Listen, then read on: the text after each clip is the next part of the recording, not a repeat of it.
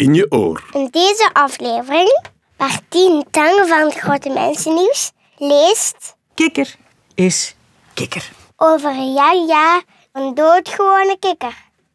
En de rest ga ik niet verklappen. Veel plezier!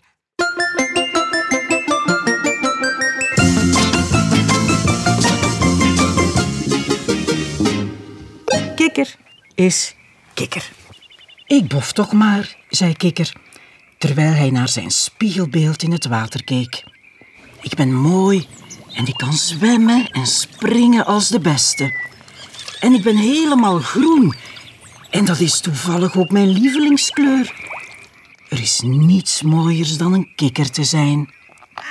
En ik dan? vroeg Eend, die toevallig hoorde wat Kikker zei. Vind je mij soms niet mooi? Helemaal wit. Nee, zei Kikker, daar vind ik niks aan. Niet eens een streepje groen erin. Maar ik kan vliegen en jij niet. O ja, zei Kikker, dat heb ik je nog nooit zien doen. Ik ben een beetje lui, zei Eend, maar ik kan het wel. Kijk maar. Ze nam een aanloopje en begon hevig met haar vleugels te slaan. Het maakte een hoop lawaai. Maar plotseling was Eend los van de grond en vloog ze sierlijk boven het landschap. Na een paar rondjes gevlogen te hebben, landde ze vlak voor Kikker in het gras. Fantastisch, riep Kikker vol bewondering. Dat wil ik ook. Dat kan niet, zei Eend, want je hebt geen vleugels. En tevreden liep ze naar huis. Toen Kikker alleen was, ging hij het toch proberen. Hij nam een flinke aanloop en fladderde woest met zijn armen op en neer. Maar hoe hard hij ook rende, hij kwam geen centimeter van de grond. Ik ben een kikker van niks, dacht hij teleurgesteld. Ik kan niet eens vliegen. Als ik maar vleugels had. Toen wist Kikker ineens wat hij moest doen. Wat eend kon, kon hij ook. Na een week hard werken en knutselen met een oud laken en touw was het zover dat hij zijn eerste proefvlucht kon maken.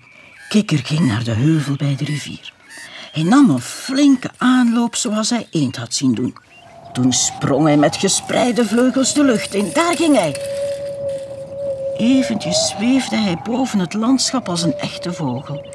Totdat met luid gekraak de vleugels scheurde en kikker naar beneden stortte.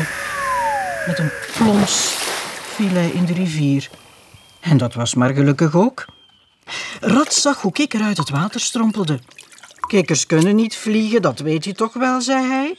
Kun jij vliegen? vroeg Kikker. Nee, natuurlijk niet, zei Rat. Ik heb toch geen vleugels? Maar ik kan wel goed timmeren. Kikker dacht ernstig na. Hij zou het varkentje eens vragen.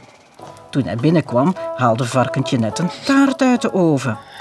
Varkentje, kun jij vliegen? vroeg Kikker. Niks voor mij hoor, giechelde varkentje. Ik zou vast luchtziek worden.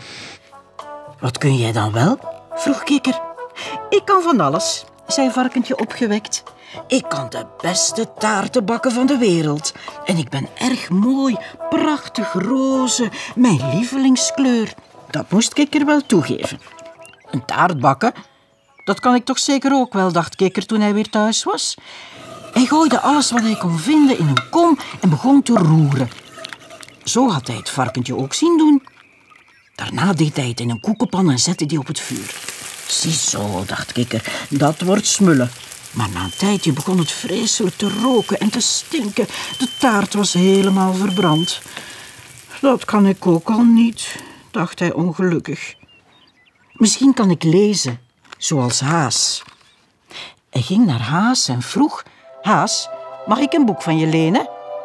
Kun jij dan lezen? vroeg Haas verbaasd. Nee, maar misschien kun je me dat even leren. "Eh, nou, kijk, zei Haas.